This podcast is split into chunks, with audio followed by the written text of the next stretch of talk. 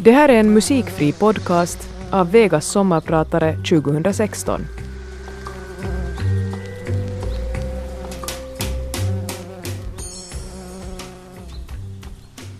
Att söka meningen med livet får alltid min balans att rubbas. Jag menar att vi inte behöver söka mening, vi skapar den. Jag anser att skaparlusten är en djupt mänsklig kraft. Vi har alla en förmåga att skapa mening i våra egna och varandras liv. Jag är Hanna Kaihovirta och er sommarpratare idag. Jag ska prata om vad som rör sig i huvudet på en bildkonstnär, forskare och lärarutbildare. Så långt jag kan minnas har bilder berört mig. Att påstå att det skulle ha handlat om bilder jag tycker om eller bilder jag inte tycker om är inte tillräckligt beskrivande. Bilder av alla slag har helt enkelt fått mig att tänka.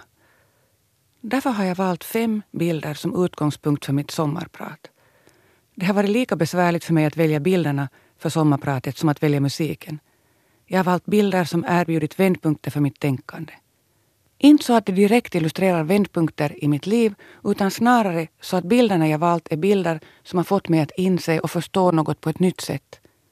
Musiken som jag har valt är någonting som beskriver olika känslotillstånd som jag tycker om att vara i. Från en alldeles för lång lista valde jag till slut musik med kvinnliga artister. Det är artister som jag tycker att genom sin röst, genom lyriken eller sin utstrålning målar stämningar och skapar energi.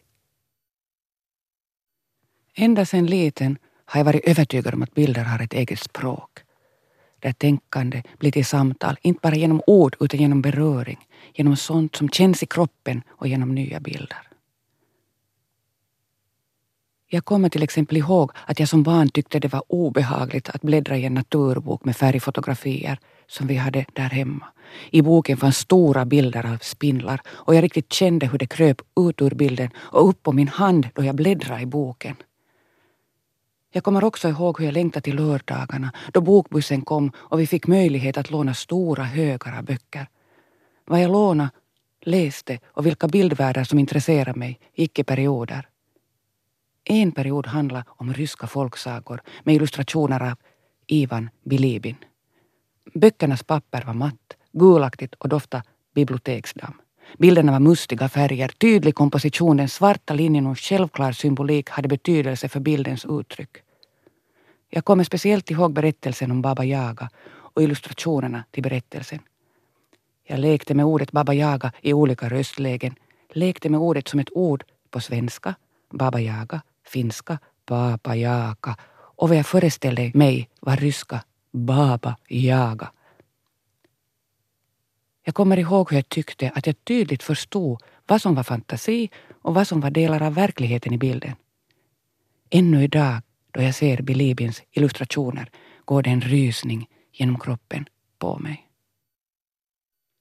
Det finns en bild som etsat sig starkt i mitt medvetande. Det är Jumala Näiti, eller Gudsmodern, den ikon där Gudsmoderns Maria håller barnet Jesus i sin famn. Då jag ser på ikonen tystnar allt larm inuti mig och runt omkring. Det är någonting med den värld som öppnas, det är någonting med det enkla bildspråket, materialet, färgerna, kompositionen, idén bakom bilden som berör. Ikon betyder bild. När jag var barn hade en av mina vänner en glansbild med just det här motivet. Jag var alldeles utom mig, förstod inte hur ett så starkt värdeladdat motiv kunde få vara en glansbild. Jag måste äga den glansbilden. Jag bytte den till mig mot en hel hög av blommor, änglar, hästar, kattungar, hundvalpar och de bästa glitterytorna. Jag har den fortfarande. Nu är den mest en solkig papperslapp. Men det var mitt första möte med reproduktionens kraft.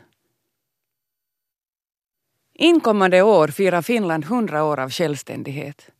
Just det året då Finland blev självständigt, 1917, hände det också mycket annat i världen. Det hände något omvälvande på konstscenen. Konstnären Marcel Duchamp ställde under det fingerade namnet Ermut ut ett verk som bar titeln Fontän på en konstutställning i New York.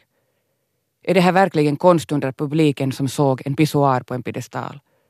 Plötsligt handlar estetik och konst om något annat än det sköna. Verket skapar en förbindelse mellan privata, intima kroppsfunktioner och ett offentligt konstrum. Konsten måste tänkas om. Tänk att en potta kan ställa till en sådan brytning. Det var alldeles enastående tyckte jag då jag för första gången under mina studier vid konstskolan blev medveten om det här. Det första jag såg hos honom var linjen han tecknade. Jag hade aldrig tidigare mött någon som kan teckna en linje med sådan svärta.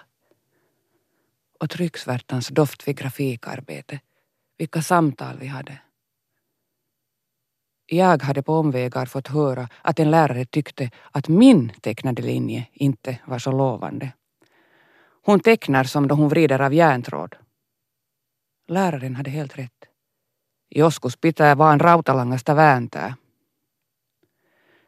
Då jag tecknar tänker jag linjen som en järntråd som jag formar.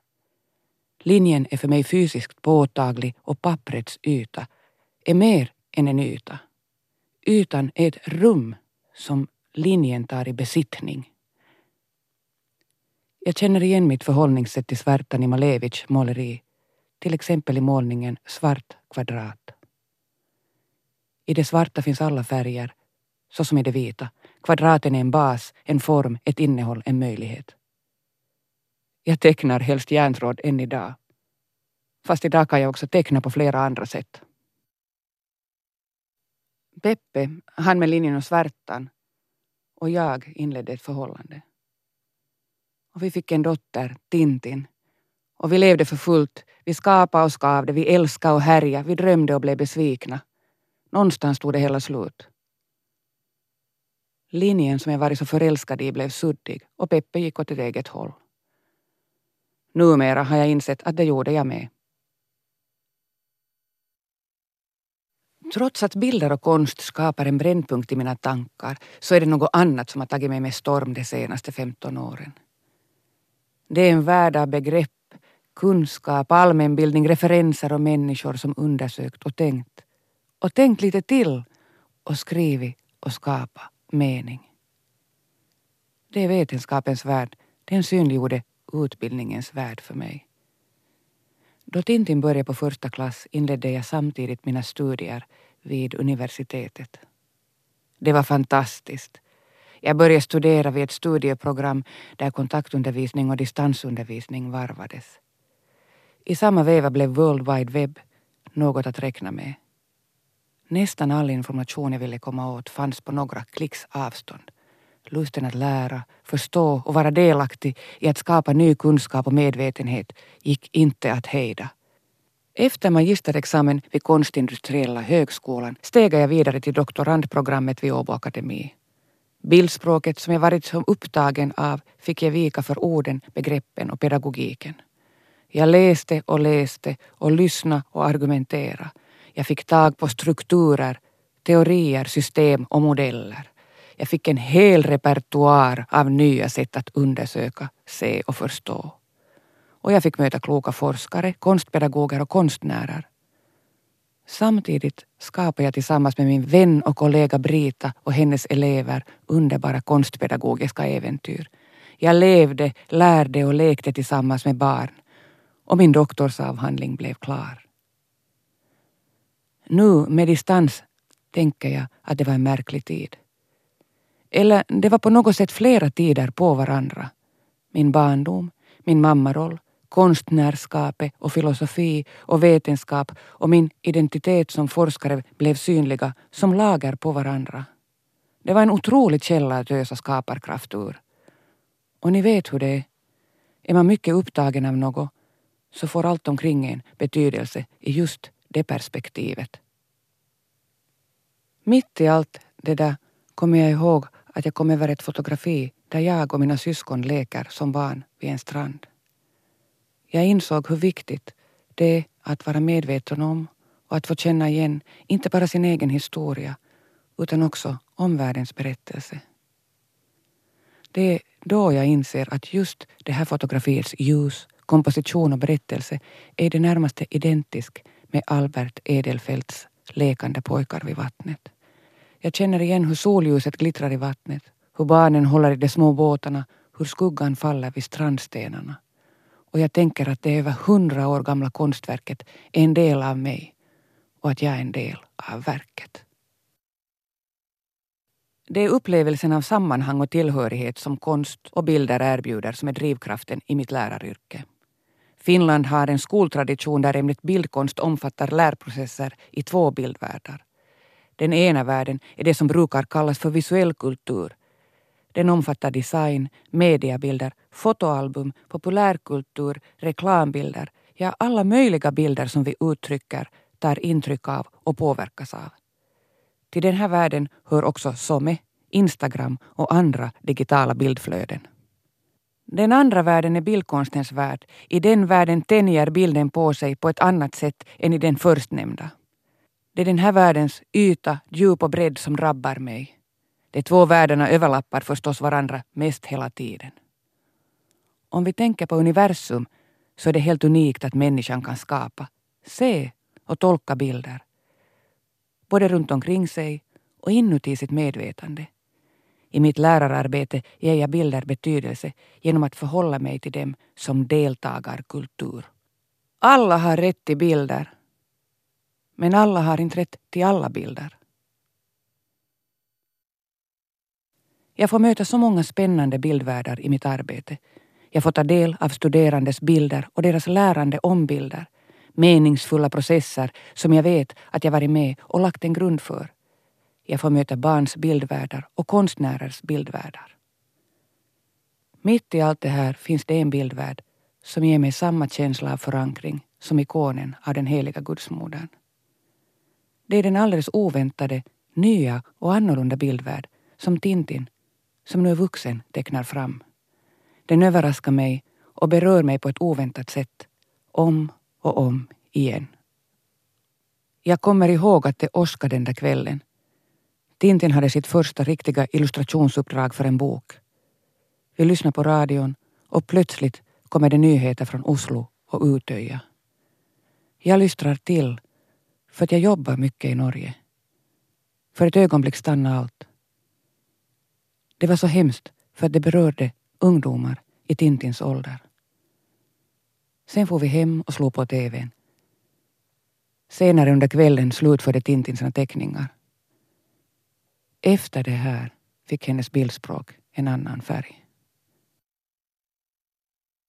Då vi rör oss i bildens värld har bilden en delvis bestämd referens till omvärlden.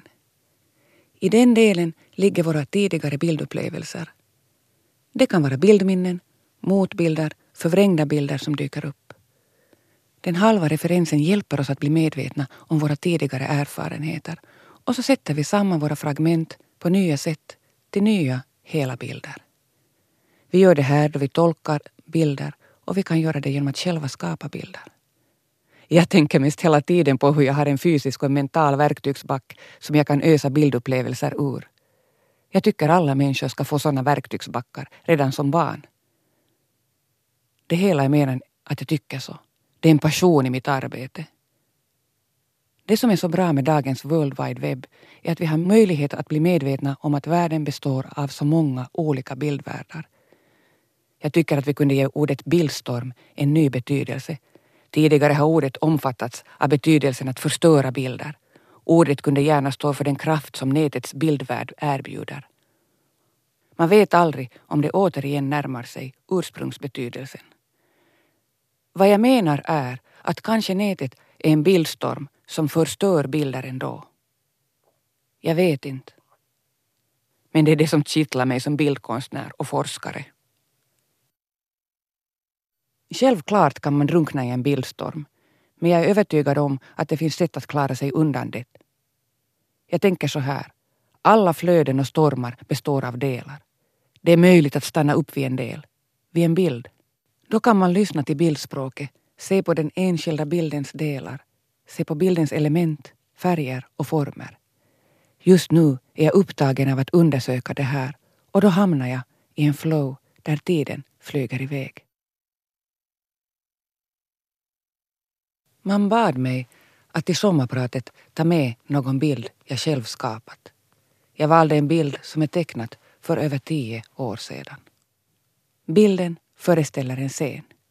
Scenen i bilden har skapats genom att ett rep spänts upp mellan två pelare. Över repet hänger ett tyg. Tygets mönster föreställer träd. Framför tyget leker ett barn. Att en dammsugare är ett monster. På något sätt är alla de bilder jag sommarpratat om med i den här bilden. Där finns Baba Yagas mystik, där finns ikonens lugn.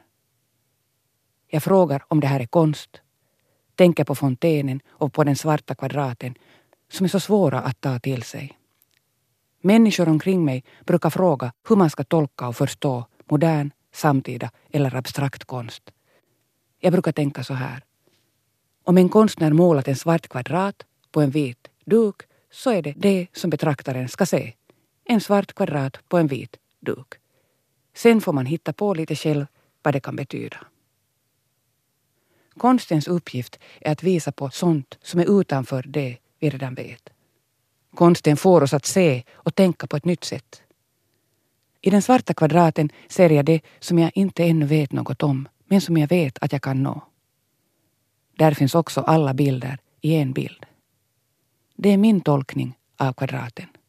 Någon annan ser något annat. Just nu är det så jag tänker om tillvaron som bildkonstnär, forskare och lärarutbildare. Att alla bilder får rum på en och samma gång, på varandra, samtidigt i samma bild. I sommar ska jag ta för mig av bilder. Hurudana vet jag inte än. Det är helt öppet. Det kan vara från sommarhuset, från en regnig gata i stan eller från en härlig fest. Det behöver inte vara platser. Det kan vara händelser eller människor. Jag ska se mig omkring, gärna i världen, med för många intryck tillsammans med nära och kära. Och ibland stanna upp i allsköns ro. Jag heter Hanna Kaihovirta och jag vill avsluta det här sommarpratet med I feel good med Nina Simon. Du kanske känner igen den från en reklam. Men långt före reklamen var Nina Simon en del av min resa.